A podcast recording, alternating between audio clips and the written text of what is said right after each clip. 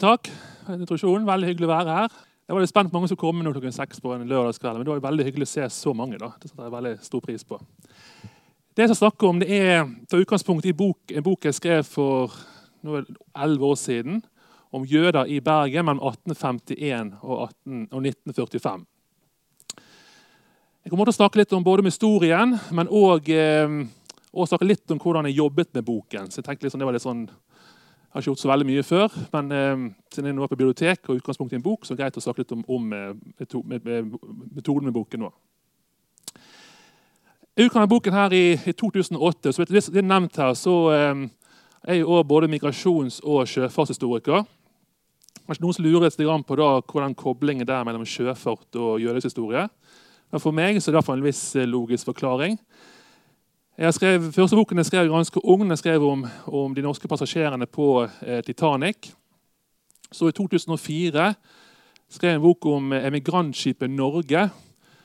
Og Det var et eh, emigrantskip som gikk fra Danmark via Norge til, skulle til New York og sank utenfor Rockall. I tillegg til skandinaviske passasjerer så var det òg 240 russiske jøder om bord. Når jeg jobbet med, denne boken, så er jeg veldig interessert i å lære like mye om de skandinaviske passasjerene, fortelle deres perspektiv, deres historie, som eh, de jødiske. Og På denne tiden her så er det de fleste jøder som emigrerer i verden, de bor i Russland. Det bor rundt fem millioner jøder i Russland med folketelling i 1900. Man regner med mellom 18, 18, eh, 1880 og frem til første verdenskrig så emigrerer nærmere to millioner fra Russland. De aller fleste drar til USA, som da den norgeshistorien er en del av. Men òg drar en del til eh, andre steder, spesielt Europa, med Sør-Afrika, Sør-Amerika osv. Så, videre. så det jeg oppdaget da, det var jo at bakgrunnen, bakgrunnen til de passasjerene som var på emigrantskipet Norge, hadde veldig lik historie bakgrunn som de som kom til Nor landet Norge eh, mellom 1880, i denne perioden. her. De aller fleste jøder som kommer til Norge, i det hele tatt, de har opprinnelse fra, fra um, Russland. Så Etter jeg skrev den boken, så tok jeg eh, en master, med en masteroppgave. Der er jeg interessert i å stavre enda mer inn og se på Bergen. Der er sammenlignet jødisk innvandring til Bergen med Trondheim eh, primært.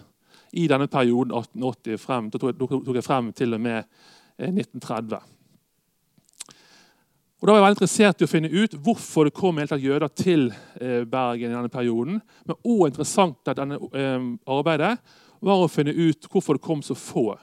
For Ser man i byer på størrelse med Bergen rundt omkring Europa på den tiden, her, så, man, så var hovedregelen at, at at det ville vært en synagoge, ville vært et større jødisk samfunn, miljø enn det det var eh, i Bergen. Så Det var et av eh, spørsmålene jeg så på. Men da bearbeidet masteroppgaven til en, en eh, bok, så, så, var jeg òg interessert i å få med det som skjedde under andre verdenskrig. For Jeg oppdaget at det, det, er nevnt litt sånn her og der om jøder som kom til Bergen denne perioden. fra 1850 til og med annen verdenskrig.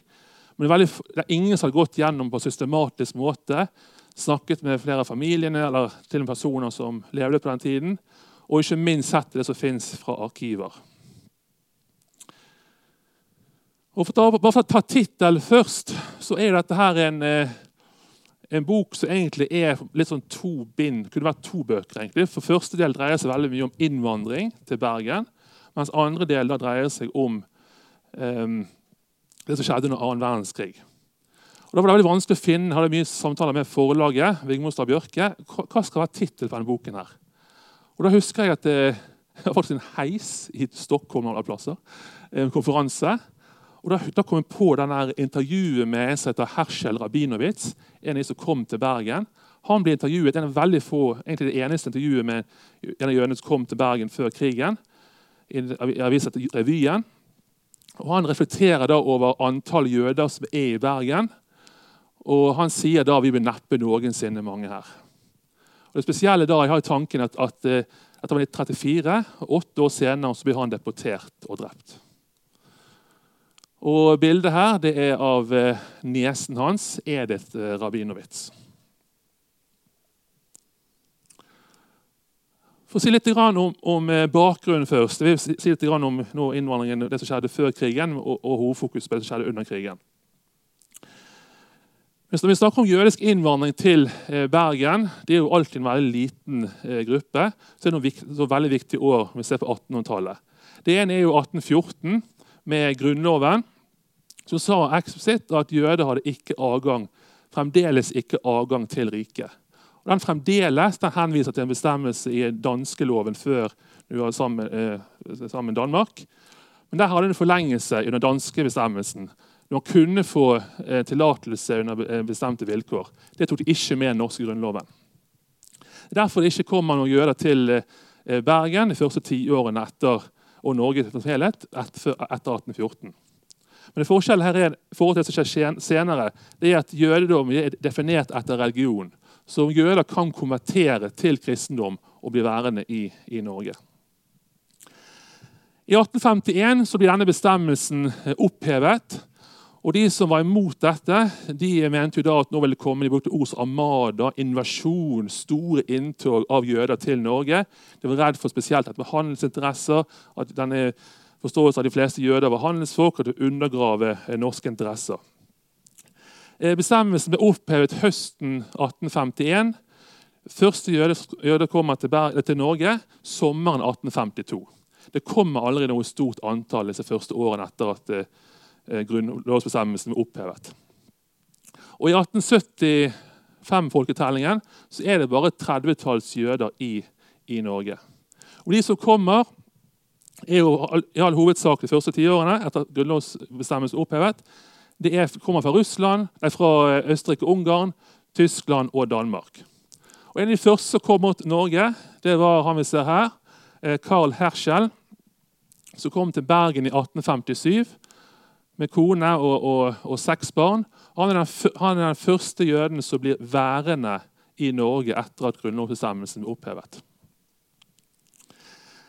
De spørsmålene jeg så litt på da, det var jo dette med antallet. Hvorfor, de, hvorfor jøder kom til Bergen, hvorfor det ble værende i Bergen. Typiske spørsmål man ser når man studerer eh, migrasjonshistorie. Og det som skjer fremover, det er jo at det, det, er klart skille fra 1880-årene og utover. Det er da eh, russiske jøder begynner de komme til Norge. eller samme mønsteret som de som hovedsakelig reiser til USA, som jeg nevnte. Jeg har sagt veldig mye om bakgrunnen, eh, årsaker. Det er veldig sammensatt bilde hvorfor så mange emigrerer eh, eh, fra Russland. Men et, et, veldig viktig moment som i all migrasjon, det er dette med eh, skjedemigrasjon. Noen reiser i forveien, og så kommer andre etter fra samme, eh, samme by, samme sted. Og Det ser vi òg i høyeste grad i, i, Bergen. Det er så mange styrer at det kommer jøder til, til Bergen. Her skjer det litt for seg sjøl, siden han kom så tidlig. og Han hadde, han hadde han drev handel, hadde noen forbindelser i Bergen. ser det ut som. Han var for øvrig oldefaren til eh, Torborg Nedreås. Kan nevne det. En annen gruppe som jeg ser, det er en, en, en, den første sånn, større gruppen jeg ser, det er fra en liten by som heter Rashki, som ligger i en provins som heter Suvalki. Litt sånn i dagens østlige Polen, den gang en del av Tsar-Russland. Rashki finner man mange eksempler på i, i Norge. En, del, en, god del drar til Trondheim og Kristiania, og så kommer noen da direkte til, til eh, Bergen.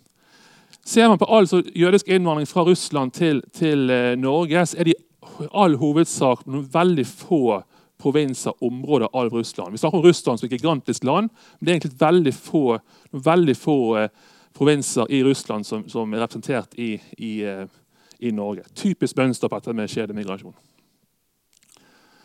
Her ser vi to av eksempler òg. Eh, Sukkermann han ble veldig viktig.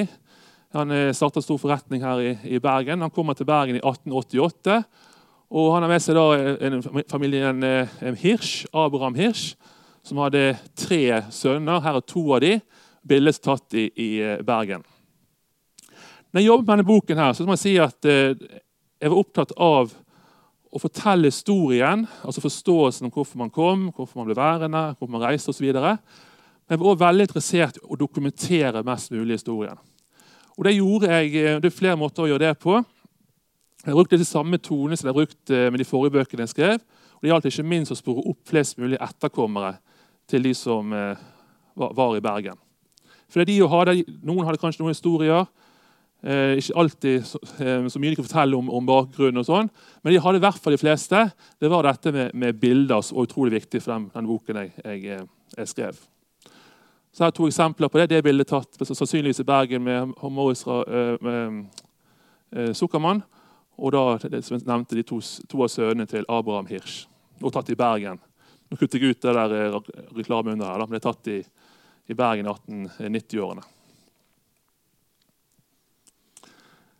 En annen gruppe er, er, er kalt Sverige, eh, Sverige-Trondheim-gruppen. Eh, flere kommer fra Russland via Sverige veldig typisk mønster, til Trondheim.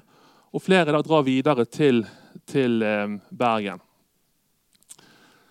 Det gjelder en, familie, en, en annen familie Hirsch, Haim Hirsch. Eller familien Isaksen. Her ser dere det bildet tatt i Bergen i 1890-årene. Der var både mor, far og, og det var fem-seks sønner var det vel, og, en, eh, en, datter. Og her er bestemoren eh, Krasjnipolskij, som òg var i, i Bergen i, noen år. Og De hadde forbindelse til eh, Steinfeld-familien, Moses Steinfeld, som kom til Trondheim. Han drar videre til eh, Eh, Ålesund. Og der blir en av døtrene, Sara, Sara hun gifter seg med en David Scheer. Og de etablerer seg i Bergen 1908. Og det er hennes, hun, hun har flere søsken som kommer til Bergen etter hvert, bl.a. Jakob Steinfeld, som nå er bestefaren til den kjente Stein-familien Hans Wilhelm Steinfeld.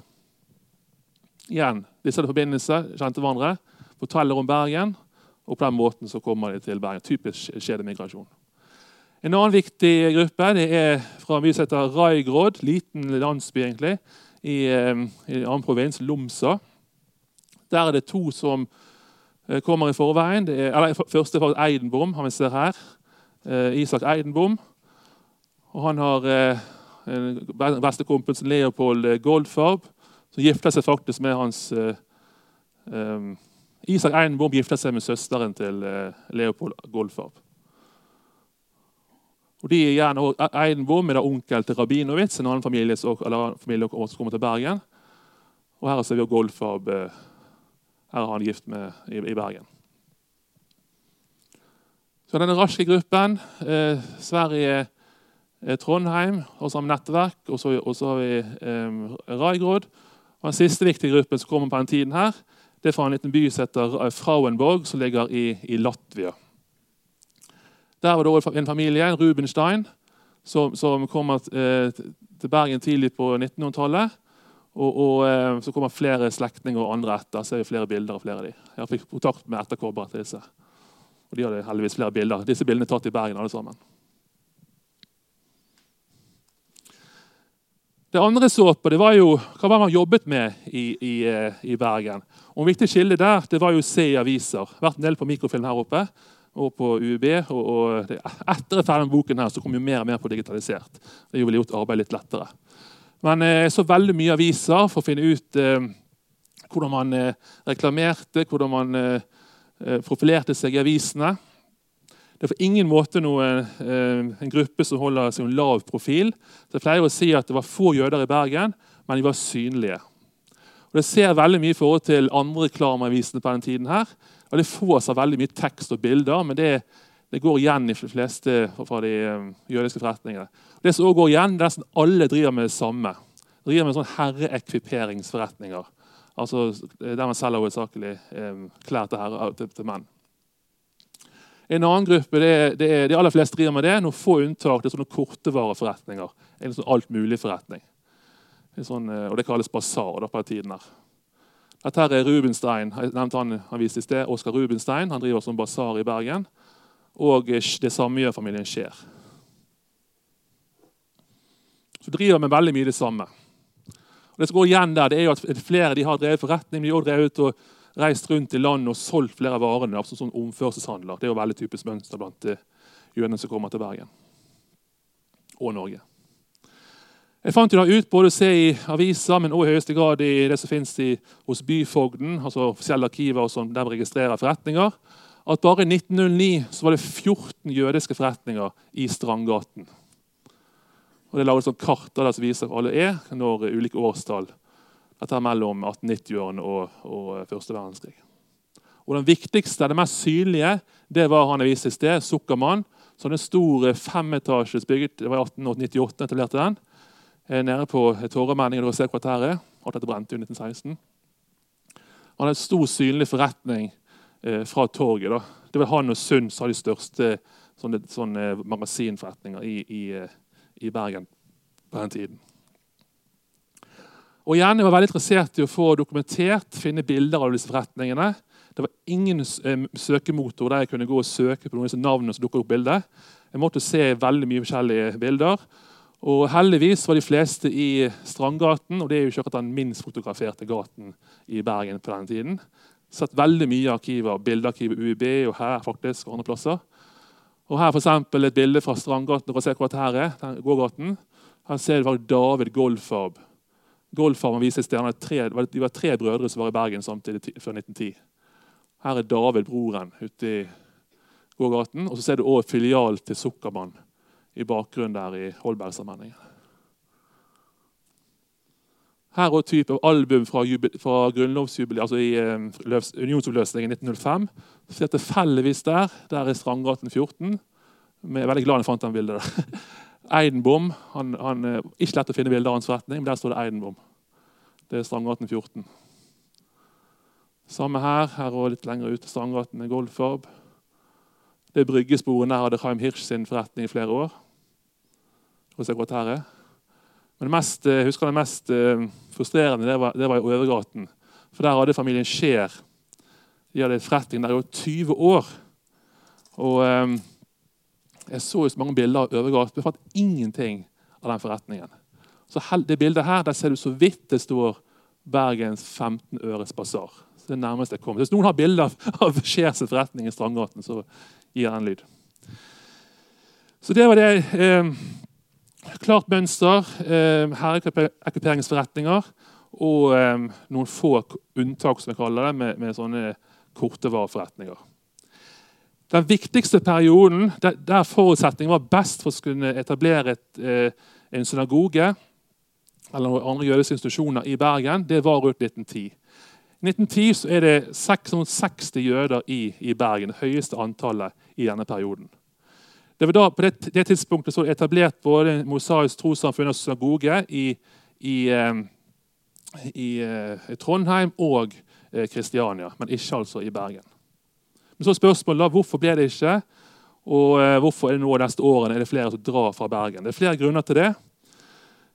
Når det gjaldt dette med miljøet, så fant vi ut at det var ikke noe så spesielt sammensveiset miljø. Det er flere indikasjoner på at det er litt sånn konfrontasjoner og, og eh, litt sånn små stridigheter her og der. Og det gjelder nok ikke minst rundt dette forretningene. Det er direkte, noen av disse reklamene viste i sted, der er det faktisk direkte anklager mot en konkurrent, en jødisk konkurrent. Uh, og det, det, er ikke helt uvanlig. For eksempel i, uh, så Forutsetningen var ikke de beste for å gå sammen om å skape en synagoge. Man ser jo litt tilsvarende i Kristiania. I 1901 er det vel, så det er fire mosaiske menigheter i, i, i, i Kristiania. Pga. uenigheter rundt etableringen av uh, menigheten. Et annet viktig moment i dette det er det som skjer i 1916. Den store brannen i Bergen i januar 1916. For Det viser et kart i sted, og de aller fleste de ligger i, i eh, brannstrøket. Mellom Torgallmenningen og Østre Muramenning. Her er et bilde av Stein Tovsen som dette her, tror jeg. Og, eh, og Jeg søkte jeg så alt etter er det noen av de jødiske forretningene. Og Der ser dere her Londoner Bø. Det er Londoner. Det er han Oskar eh, Rubenstein. Og Han er en av de som eh, mister forretningen sin. Han har nå på et tidspunkt han to barn og kone i Bergen. Og etter han mister forretningen, mister det verdier også, Fødelig, så beslutter familien pga. brannen å dra til Kristiania eh, og, bo der. Det andre viktige så du har det at det er ikke noe veldig eh, sammensveiset miljø, som er veldig viktig for å starte en menighet. Det andre er er brannen. Men det tredje det er jo at eh, litt tilfeldig så er det flere av de familiene jeg har nevnt, som får forholdsvis få barn. Det skiller seg veldig fra for Trondheim, der antall barn er mye høyere enn i, eh, i Bergen. Blant annet Sukkermann han fikk ingen barn. Barn er kanskje det viktigste for å skape et, et, et, etablere en synagoge. Og når noen av disse her nå fikk etter hvert barn som, som eh, ble, eh, nådde alderen for bar mitzvah, altså når man var 13 år, så var det eh, viktig å bo nær en synagoge. Og Det er også grunnen til at når flere flytter fra eh, Bergen til hovedsakelig Trondheim og Kristiania. Når vi kommer til 20-årene, så er det en helt annen situasjon. Det er veldig få som, kom, få som kommer til Bergen og, og, Norge som helhet. Det er flere grunner til det. Det ene er jo at nå er Tsar-Russland eh, oppløst. Eh, Sovjetunionen, Der er det egentlig forbudt å emigrere fra Sovjetunionen. Det er veldig vanskelig å emigrere fra eh, Polen og disse områdene i Øst-Europa de fleste jøder fortsatt bor. Det blir veldig vanskeligere å komme til Norge i praksis er det ingen hindringer for å komme til Norge før 1917. eller siden 1914, litt, spesielt under første verdenskrig. Men 1917 så blir passet introdusert i Norge midlertidig. Vi har det fortsatt 102 år senere. Um, visum blir introdusert. I uh, 1918 så kommer sentralpasskontoret, forløperen til det som i dag er Utlendingsdirektoratet. Altså Man man må søke, kvalifisere til å komme til uh, Norge. Slik var det ikke før uh, første verdenskrig. Så det er helt annet byråkrati, helt annet system for, å, for inngang til Norge. Så i mellomkrigstiden, det, og det er en av hovedgrunnene til at så få eh, som kommer. Så de som er i Bergen og Norge, det er, eh, det er egentlig tre, si, tre, familier. Det er familien Skjær, eh, Eidenbom og, og Goldfarb. Jeg var veldig interessert i, i, når jeg jobbet med boken, å få noen stemmer her. Noen skulle fortelle hvordan det var å vokse opp i Bergen som jøde på den tiden. her. Heldigvis var det én jeg kunne snakke med. Eh, Gerd Golfab, Hun er der. Hun er født i 1920. Hun drar fra Bergen i, i 1940 og kommer ikke tilbake, overlever og rømmer til Sverige og kommer ikke tilbake til, til, Norge etter krigen. Hun levde på den tiden her i, jeg skrev boken i Göteborg og fikk snakket en god del med hun Hun kunne det vokse opp i, i Bergen på denne tiden. Hun visste, hun, det hun egentlig hovedsakelig sa, det var at altså, alle hun, hun omgikk, omgås med og, og Hun tenkte ikke egentlig over oss, men hun var eh, jøde. Det var ikke det hoved, hovedgreiene hun sa. Hun visste noe om jøde, og de markerte noen eh, jødiske høytider. høytider men eh, det var, det var eh, hun, hun, tenkte ikke så veldig mye over det egentlig når hun vokste opp. Her ser du noen bilder tatt i Bergen. Her er eh, Eidenbom på, på, på Fløyen. her er familien Skje de ble, jo, de ble jo syv barn til slutt. Over rot og forretningene. Eh, Åe søkte mye etter forretninger i eh, mellomkrigstiden. En, et, unntak som kommer til Bergen i, i, eh, i mellomkrigstiden, det er eh, Herschel Rabinowitz. Han var også da nevøen til Eidenbom, som jeg har nevnt. Han starta en forretning i to forretninger etter hvert i det som i dag er gågaten. Han skal lage reklame her og fokusere da på det stadig regnvær. Så det, var, det år i 1920-årene. Og her er bilder av forretningen hans. Eh, det lå der eh, dress, eh, Fretex ligger i. Det er nettopp stengt nå, så jeg, i, i gågaten. Ser vi Golfarb i eh, Alle ser hva dette er. Det er Vågsallmenningen.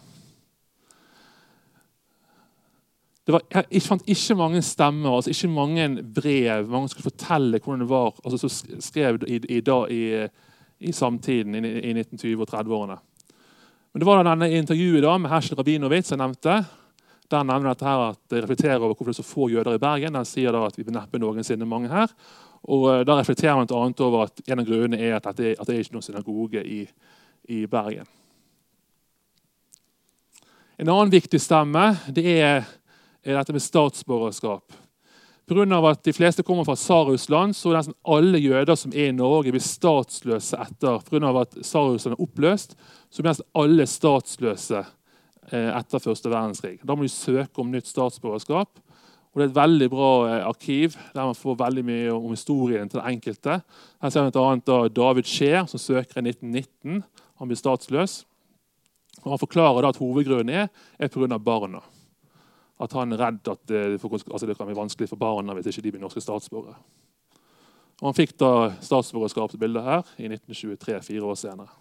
For mange kunne ta flere. For eksempel det tar 10 år, 15 år. Og nå, Hovedgrunnen til det, det er at det står i statsborgerskapsloven at man får bekreftelse fra det forrige landet at man har brutt alle bånd. Men Der ville ikke verken Polen, eller Estland eller Latvia det var veldig vanskelig å få de dokumentene fra de landene i mellomkrigstiden. Vi har kommet til 1930-årene. Og Da endrer jo situasjonen seg dramatisk for jøder som bor i, i Europa, og etter hvert eh, i Norge. Men det skjer sånn umiddelbart. Men det der, der, der kanskje merker mest i Norge, det er jo etter hvert at det er flere som prøver å komme til Norge fra, eh, fra Tyskland. Som alle vet, Hitler kom til makten i 1933. Du får Nürnberg-lovene i 1935, som gjør at eh, eh, jøder i Tyskland, sikkert rundt 500 000 på den tiden, blir noen annenrangs borgere. Det er flere som prøver nå å komme til andre land. Det er sikkert Omtrent så klarer rundt 250 000 av de 500 000 å flykte, emigrere fra Tyskland før krigen bryter ut i 1939. På den tiden er det veldig, fortsatt veldig vanskelig å dra til andre land. De aller fleste har noen restriktive innvandringsbestemmelser, ikke bare for jøder, men også for alle andre grupper. I USA for eksempel, det viktigste immigrasjonslandet de innfører et kvotesystem i 1921 og 1924. Som baserer på, De har ikke hatt noen eh, veldig få restriksjoner før det. Som baserer på en prosent av eh, opprinnelseslandet til en gruppe. Si på en annen måte, Hvis det er 100 000 eh, dansker i USA, og det, er kun 2 som får lov å komme hvert år, så har 2000 dansker lov å komme hvert år til USA. Eh, når det gjelder Tyskland, så er det rundt 50 000 som får lov å komme hvert år. For det er en stor, ganske stor tysk gruppe i, i, i USA. Interessant der er jo at, at den, den kvoten ble ikke fulgt opp de første årene etter Hitler kom til makten. Det endrer seg først, eh, det blir først fulgt opp helt fra 1938-39. Og Hovedgrunnen til det det er det som skjer natten til 10.11.1938, altså på dagen i dag for 81 eh, år siden. Når eh, jøder for, for, for over hele Tyskland hevnaksjon mot jøder etter at en tysk diplomat har blitt Eh, drept i, i, eh, i, Paris. Og skylda er på at det, det ble gjort av en jøde. Eh, jeg hører ofte at jeg har jobbet, snakket veldig mange i forbindelse med boken her, at man visste veldig lite i, om dette her i Norge. Det som skjedde i Europa, det, det kom hovedsakelig fra altså etter krigen. Dette her er overskrifter fra bare alle bergensaviser i, i 1938. Og som Man ser her, nei, man viser ikke om utryddelsesleirer som kommer senere, men legg merke til for at ordet konsentrasjonsleir det har vi brukt. Dette her er tiende fra det var avisen Bergens Aftenblad, tror jeg, eller Morgenavisen, fra 10. november 1938. Så dere ser eh, overskriftene for, der arbeider, Bergens Arbeiderblad f.eks. grufulle jødeforfølgelser over eh, hele Stor-Tyskland. Dette får stor oppmerksomhet i ikke bare bergenspressen, som vi ser her, men òg eh, pressen over hele Norge. Det er nå veldig, flere og flere som prøver å komme til eh, Norge fra, fra, fra Tyskland. Det er så veldig, fra, fra histori, histori, Som historiker så er det veldig stor frustrasjon når det gjelder å fortelle denne historien. Det er det at eh, det er veldig mange, alle sendte inn søknader for å få komme til Norge. Hele det arkivet ble besluttet kassert, kastet, i 1960-årene. Det eneste som fins, er journaler som kan, man kan se navn, og som er tatt vare på noen få eksempler. Et par av de eksemplene de dreier seg om eh, jøder i, i, Bergen. Det er blant annet, eh, for eksempel.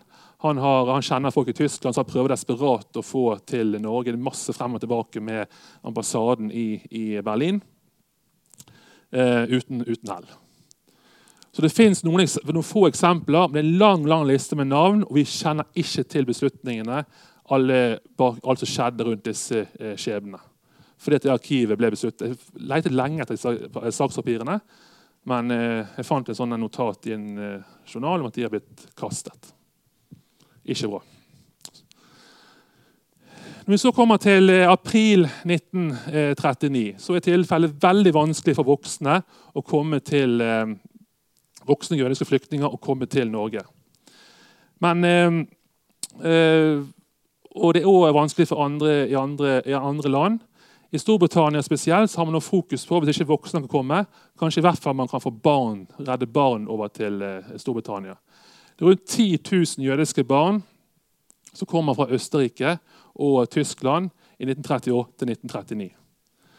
I Norge så prøver altså Odd Nansen, som er sønnen til Fridtjof Nansen, han leder til Nansen-hjelp og prøver da å få, til, å få barn til, til Norge.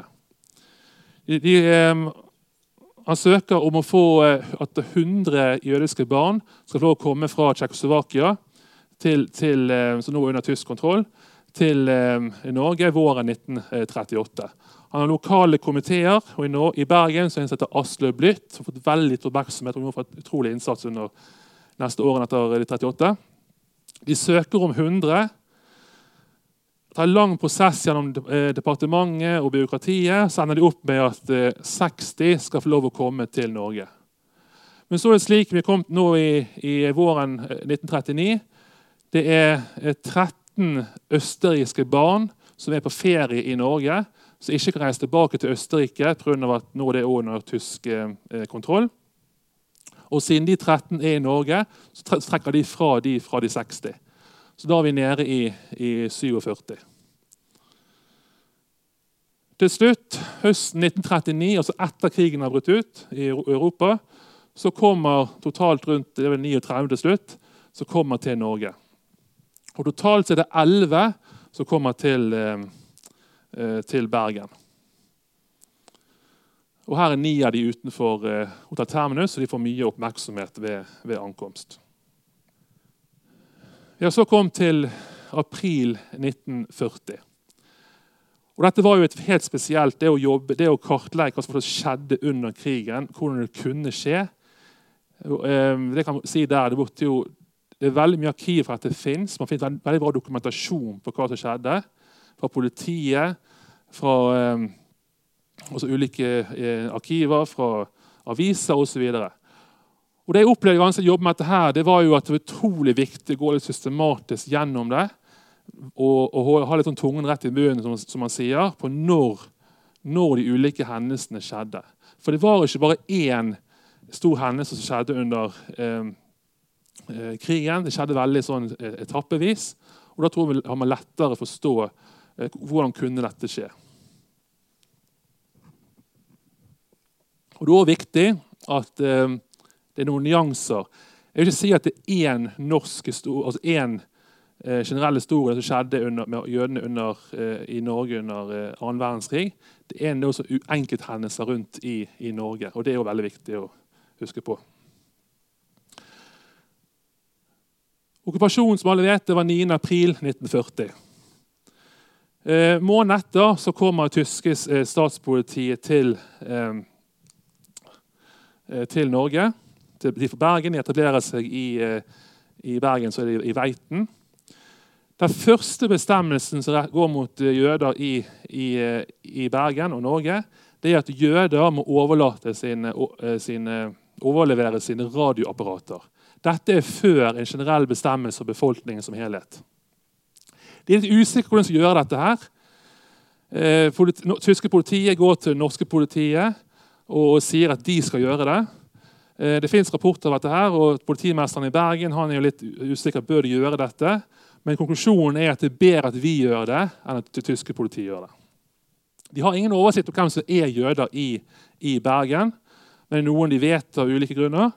Så de går hjem til de, det er ca. åtte stykker de oppsøker og, og ber de overlevere sine radioapparater. Og det gjør eh, samtlige. Den neste bestemmelsen skjer i juli 1940. Og Den rammer bl.a. Eh, han vi ser her, eh, Heinrich Arnold, som var på den tiden over 17-18 år.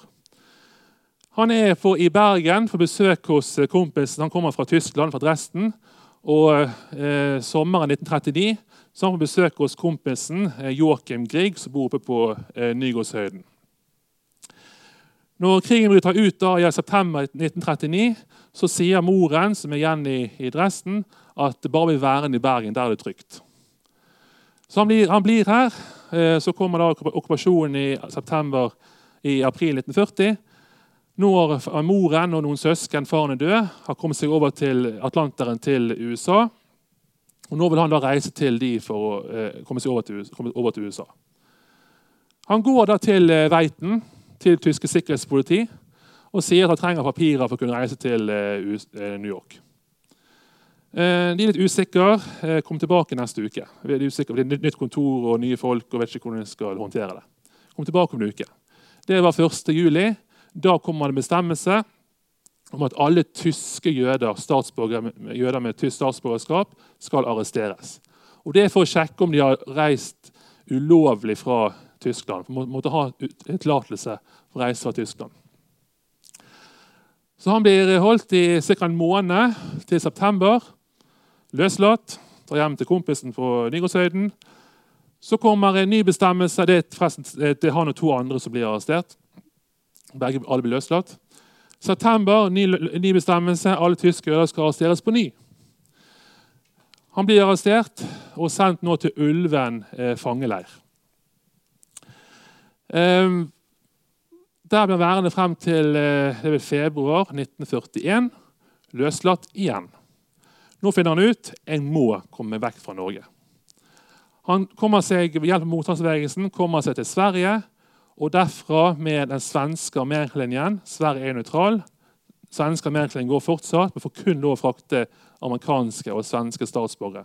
Men et skip er jo stort, og han gjemmer seg, lar det gjemme seg om bord i skipet. Det blir kontrollert i Skagerrak. Han kommer seg til Cuba den 7. desember 1941. Og På den dagen har han blitt en 'enemy of the state'. For nå er USA i krig med Tyskland. Så Da må han værende på Cuba et halvt år. Og Grunnen til at jeg vet dette, her, det er fordi at når jeg skrev boken, så var han i live. Og, og, jeg hadde kontakt med han i New York. Og Han har skrevet et fantastisk manus som han skrev på Cuba, av alt han har opplevd.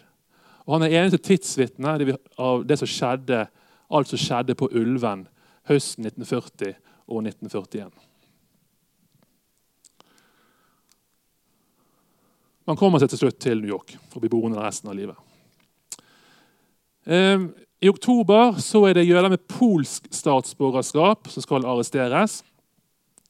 Det, ingen, ingen, det, gjelder ingen i Bergen, men det er en i Nordhordland, eh, Bernhard Müller, som har, bor der med sin kone og to barn.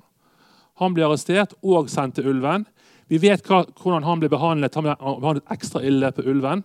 Vi vet det pga. den kilden at Arnold beskriver det som skjedde i sitt manus. Og Han blir ikke løslatt. Han blir sendt til tysk konsentrasjonsleir. Og um, konen i, i, i Nordland får beskjed om at han er, han er død um, det var høsten 1941. Eh, Våren 1941. 41, så sommeren 1941 så eh, invaderer Tyskland Sovjetunionen. Og nå blir alle statsløse og sovjetiske jøder eh, skal arresteres. Og I Bergen så gjelder det eh, to personer. Eh, den ene blir løslatt etter kort tid. Han er statsløs. Altså sovjet, sovjetiske han blir eh, værende i fangenskap. Eh, så Høsten 1941 så er de tyske, både de tyske myndighetene og NS de ønsker en best mulig oversikt over hvem som er jøder i Norge. Det fins ingen sånn komplett oversikt. Det er, det er menighetsprotokollene. De det er en synagoge nå i, i to i, i, Oslo og en i, i, Trondheim. Men det er ikke alle jøder i Norge som er medlem av noen av disse mosaiske trossamfunnene.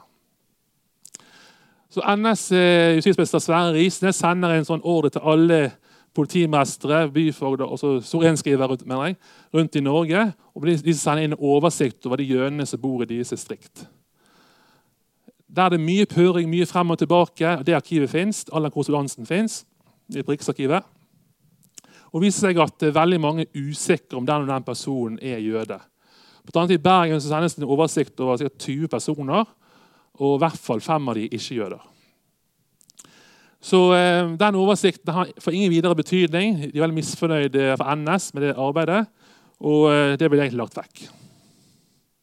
Men det er igjen denne eh, gradvis eh, eh, arbeidet da med å få oversikt over hvem som er jøder i Norge. Og litt av Poenget med dette her, eh, det var jo for å få oversikt over alle som eh, altså eier jødisk eiendom. Fordi handler har en idé om at jøder eier mye mer enn befolkningen generelt. Det hadde ingen, ingen, ingen, ingen grunnlag for å hevde ut fra den ordren som kom høsten 1941.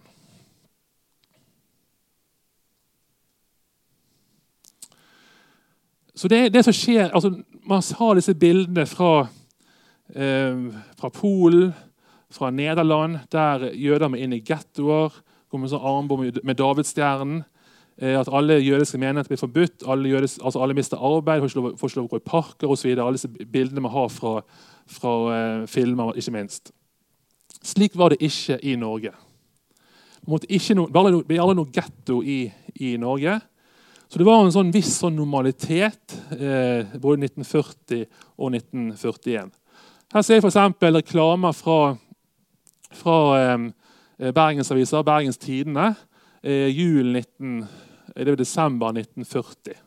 Her er, Nor her er Norge under tysk okkupasjon. Og for I Grand Magasin, det er den forretningen som eh, familien Skje driver på den tiden, her, der står det som alltid står, følg en god gammel skikk, la Grand Magasin være julens butikk. Og så her ser vi Herschel Rabinowitz forretning. Den er nå i Strandgata 53. Og eh, Magasin Alexander. Det er Eidenboms forretning. Et annet eksempel ble helt tilfeldig så kom jeg i kontakt med barnebarnet Jeg så. Jeg så kopimaskinen på Statsarkivet. og Der tilfeldigvis kom jeg snakke med en der. Og Det var barnebarnet til Karl Johan Skauge. Og Han var bestekompis med Harry Scheer, en av de syv en av de eh, syv søsknene til eh, familien Scheer. Og han hadde et bilde, eller Hun hadde et bilde av eh, bestefarens utdrikningslag høsten 1941. Og Der ser vi Skauge, og der ser vi Harry Scheer. Og eh, dette, dette, er stort sett folk som jobber i reklamebransjen og, og tegnere i, i Bergen. Og han her er veldig kjent, Audun Hetland disse bildene der. Dette er høsten 19, utdrikningslag 1940. Det viser bare hvordan livet gikk videre. Den episoden som fikk mest oppmerksomhet i Bergen når det gjelder jøder de første to årene, det var det som skjedde i januar 1941. Eh, da ble Ernst Glaser, filionist fra Oslo, jøde, han ble invitert til, til, eh, Bergen for å spille på Ole Bulls eh, fiolin. På harmonien. Her ser reklame for det. Det er hans klasser. Dette fikk da Hirden, altså ungdomsorganisasjonen til NS, de fikk eh, tak i dette. Og de gjorde, de, de gjorde, det de kan for å sabotere konserten. NS-myndighetene ga klar beskjed til eh, avisen i Bergen, som fortsatt ikke er under eh, NS-kontroll, men de blir jo sensurert. og veldig godt med på. De får klar beskjed om ikke å skrive noe om den episoden. Eh, morgenavisen det er jo de som de skriver om det indirekte, mens eh, eh, Bergens Aftenblad de skriver om det direkte. Og dette gjorde, dette ble, eh, gjorde NS rasende i Bergen, men de fikk klar beskjed fra Oslo ikke gjør noe mer ut av det. Bare la han lukke over det. Det neste store som skjer da, eh, eh, under krigen, det er januar 1942. Da åpner folk avisen, jøder, bl.a. jøder i Bergen, og ser denne kunngjøringen her om at nå skal alle jøder registrere seg. Og Det viktigste kriteriet for det å være jøde det er hvis du har minst tre jødiske besteforeldre. Like etterpå oss så kommer det eh, beskjed om at alle må fylle ut et spørreskjema og denne ordren her, kunngjøringen den innebærer at alle må få J i, i passet. Om ikke har noe arm på armen eller sånt, ytre signal på en jøde, men du må ha J i, i passet. Og dette er et firesiders eh, langt eh, spørreskjema. Her er en som bodde i Bergen, da, Israel Josef eh, Becker, som bodde i Welhavens gate 36. Um, han flytta all, alt informasjon personalia og utdannelse, hvor han kommer fra, formue osv. Det har fire sider. Alle disse arkivene også finnes. Det, blir gjort et politihus i enkelte kommuner og sendt til Oslo. og det arkivet finnes. Jeg har snakket med flere som opplevde dette her, nå vi i høsten, i hvert fall eh, nær familie. Og eh, jo, det ble, det ble eh, en viss engstelse. Men igjen, man tenkte ikke over hva kunne dette bety, hva kunne det brukes til. Og det er ingen i Bergen i hvert fall, som rømmer, som flykter pga. denne registreringen. Det skjer ingenting mer.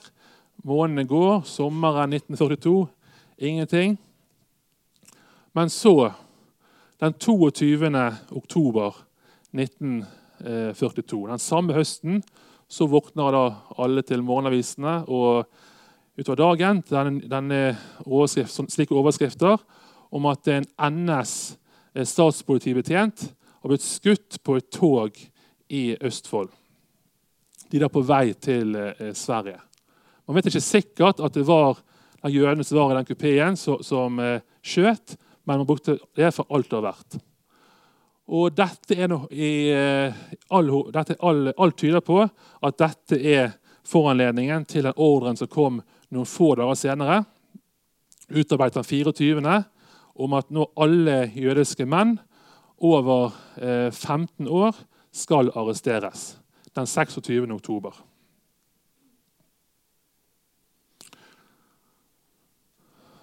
Og Ser vi da på eh, Bergen, så blir denne ordren da gjennomført eh, tidlig på morgenen. for Det fins rapporter av politiet, alt som, hvem som gjorde hva.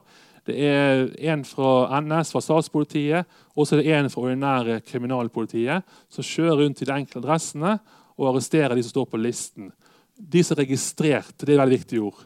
De ser kun på de som har registrert seg eh, ut fra den ordren jeg viste i sted. Det er flere i Bergen som er jøder, som ikke registrerer seg. Og En av de som blir arrestert, det er Harry Scheer, som jeg viste bilde av på det utdrikningslaget høsten 1941. Eh, bare noen få måneder tidligere. Totalt er det 13 i Bergen og 3 i Hordaland for øvrig. Bergen er jo eget fylke på den tiden, som blir arrestert den 26. oktober. Den 29. så sendes 14, eh, for det er iallfall én som blir innlagt på sykehus. Så 14 av disse med tog til, fra Bergen til Berg interneringsleir ved Tønsberg.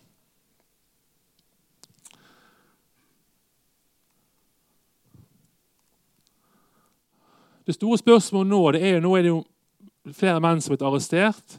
Og ektefeller og barn er igjen og har ikke blitt eh, arrestert. Hvorfor da velger ikke mange av disse å, å flykte, dessverre prøve å komme seg vekk? Det er det veldig få eh, som gjør. Hovedgrunnen er jo at hvor skal de gå? Eh, hva som vil skje med mennene sine? Eh, så, så jeg har ingen i Bergen som prøver å, som vi vet om, som prøver å, å, flykter. En av de er jo da Ida Becker.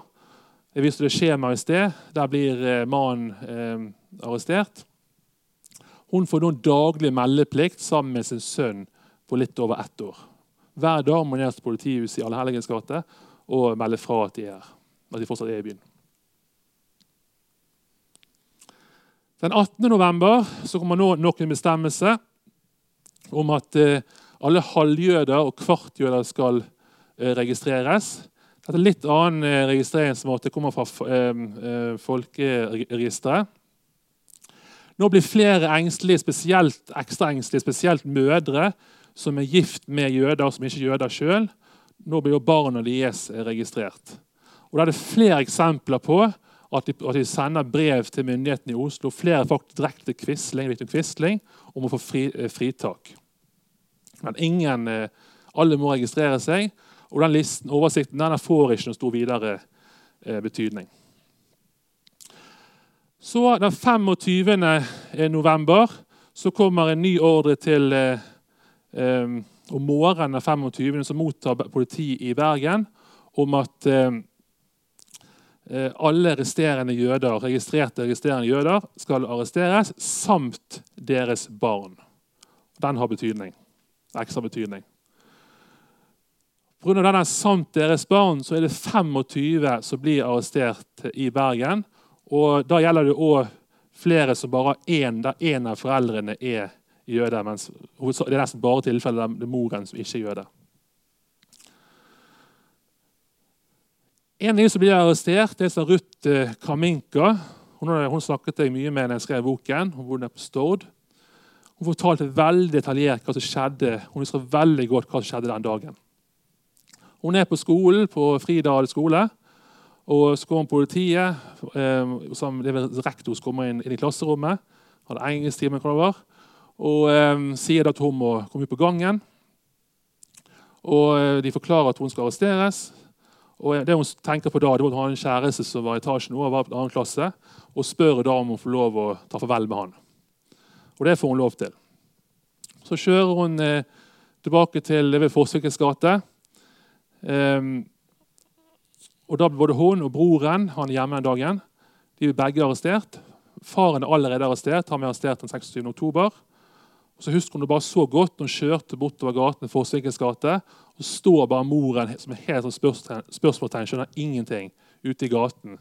Og var helt totalt fortvilet. Da var både mannen og eh, begge barna arrestert. De hadde, de hadde ingen forhold til man, de visste knapt at hun hadde noen jødisk eh, eh bakgrunn. Så da, men nå ble det jo veldig eh, tydelig pga. denne eh, registreringen. Men det som skjer, er jo at eh, de 25 blir sendt ned til politihuset. Vi nå kom til sånn ca. to på ettermiddagen. Og så kommer det en kontramelding fra Oslo at det gjelder ikke halvjøder, der bare én av foreldrene er jøder. Det er derfor 15 av de 25 blir løslatt etter noen få, få timer. Men jeg har snakket med tre av de som ble arrestert, og det er utrolig hvor like de historiene er. En bor i Sverige, en på Stord, og så var det en her i Bergen. Den 26. november så forlater eh, Donau fangeskipet, går fra Oslo med 532 jødiske fanger om bord. Inkludert eh, ni fra Bergen. Og Det er de da, ni menn som kommer fra eh, Berg interneringsleir. Eh, de ti som blir sendt fra, fra, eh, fra Bergen den 25. Eh, november, de, de rekker ikke Donau. Og må i stedet være på Bredtveit fangeleir og er først deportert den 25. november. Totalt var det 158 som ble sendt med fangeskipet Gotenland i, i, februar. Og syv av de var fra, fra Bergen.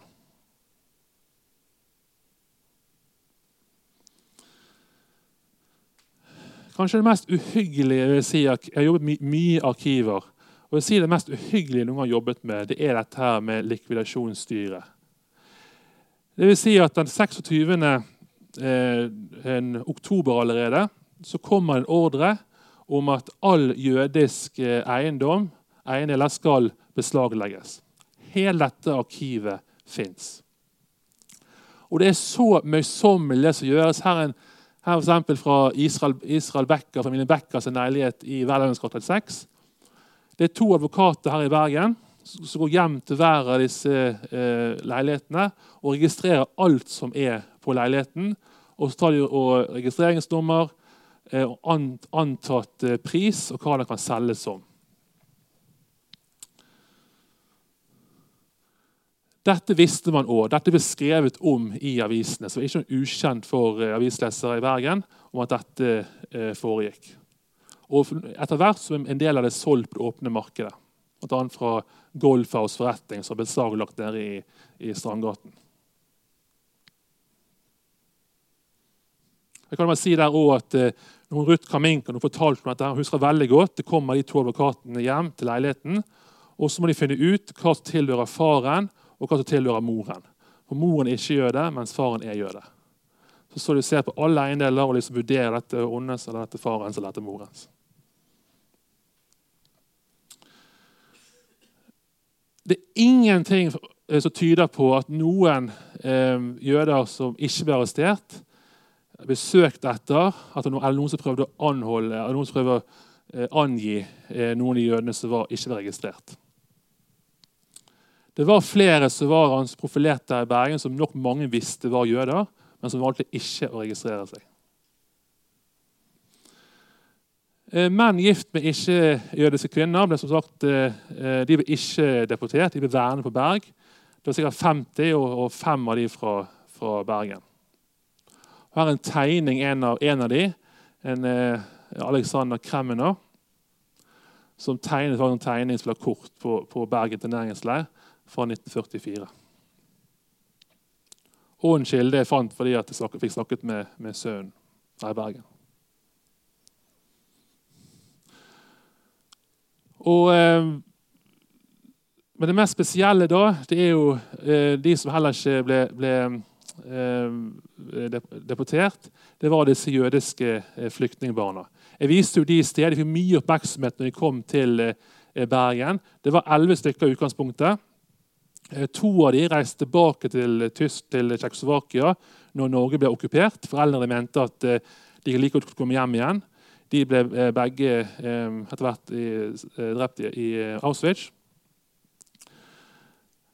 Hun Aslaug Blutz jeg viste tidligere, hun ga klar beskjed til alle fosterforeldre disse barna ikke registrer barna. Ikke følg den ordren som var i januar 42. Eh, og det gjorde heller ingen. Og det er ingen tegn til at politiet prøvde å eh, kontakte dem. Og Den mest spesielle historien her kan du avslutte nå, det er jeg kan vise først her, det er eh, når jeg jobber med boken her, så prøvde jeg å få kontakt med alle disse barna, for alle overlever. Jeg søkte opp en av dem, eh, Thomas eh, Mautner. hadde et spesielt navn. Thomas Mautner. Søkte på hans navn på Internett. Og Så kommer det opp en filosof i Australia. Sendte han e-post, og tre minutter senere så kommer det e-post tilbake. Det er han Thomas Mautner. Han var eh, fem år da han kom til Bergen 1939. Det Han forteller er at han aldri visste om, han hadde tenkt over hvorfor han egentlig overlevde. Begge foreldrene ble igjen og ble, ble eh, deportert og drept i Praha. Han og søsteren kom seg over til Sverige. Tilfeldigvis var han på det tidspunktet i Stockholm. Så Helgen etterpå tok jeg fly til Stockholm og eh, fikk intervjuet og snakket med Thomas Mautner. Og Det utrolige historien han forteller, det er at eh, de bor hos en fosterfamilie i Møllpris, og, og dels Møllpris og de flytter til Fana. Og foreldrene, særlig moren i Praha, biologiske moren, hun var livredd for at uh, hun skulle miste kontakt med barna sine. Hun var i en helt desperat situasjon. Hun, de bodde knøttet en leilighet med, i Praha med, med, med sikkert ti andre slektninger. Og Da sitter hun i leiligheten og lærer seg norsk. Fordi at uh, Sønnen går på skole i Bergen, og hun er livredd nå for at han skal snakke bare mer med bergensk og norsk og ikke kunne kommunisere og glemme foreldrene som er i Praha. Alle de brevene fins. De brevene overlevde krigen. Brevene kom gjennom. Omtrent en gang annenhver uke så kommer et brev fra eh, foreldrene. Nå snakker vi mellom eh, 1939 og høsten 1941. Her var ett av eksemplene. Da, da, da, da, er dette fra moren. da. Hun, hun signerer alltid 'din mamma i Praha', som tenker alltid på deg. Så det, det, er en mamma i Praha, og så er det en mamma i, i, i Bergen. Og her er bare bilder de jeg snakker om. Dette her er høsten 1941. Med Thomas Maunter der og søsteren Ilse. Bare et eksempel på at, på slutten, at eh, det er viktig her at dette er ikke historisk bare svart-hvitt. Eh, det er òg noen som eh, ligger litt i midten. Eksempel på det det er jo det, niende barnet. Dette var ni barn. Edgar Brista. Han var bodde fosterforeldre hos, på Laksevåg. Og faren, fosterfaren der han ble NS-ordfører. De registrerte ikke barna. Hans, han, jeg har snakket med han, og han husker han satt der på leiligheten i huset på Laksevåg. og Så snakker, han, snakker fosterfaren eh, med, med kompiser nedsettende om jøder. Han overlever òg. Og, eh, Vern i Bergen. Jeg ser klokken der går ut. Jeg hopper over den. Um, og, og en spesiell, et annet eksempel på slutt, det er jo familien Hess, Salomon. Vi ser her Emil og konen Dagmar og så de to døtrene.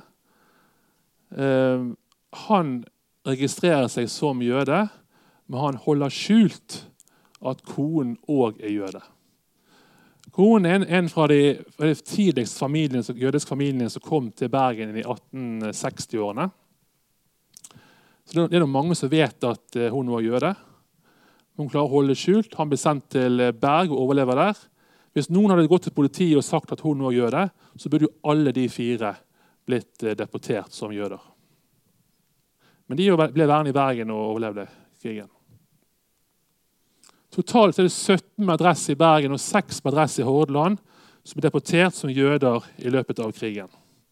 Samtlige av disse blir myrdet. Og I folketellingen i 1946 så er det to jøder som er registrert i Bergen. Jeg avslutter der. Gikk litt over tiden. Tusen takk.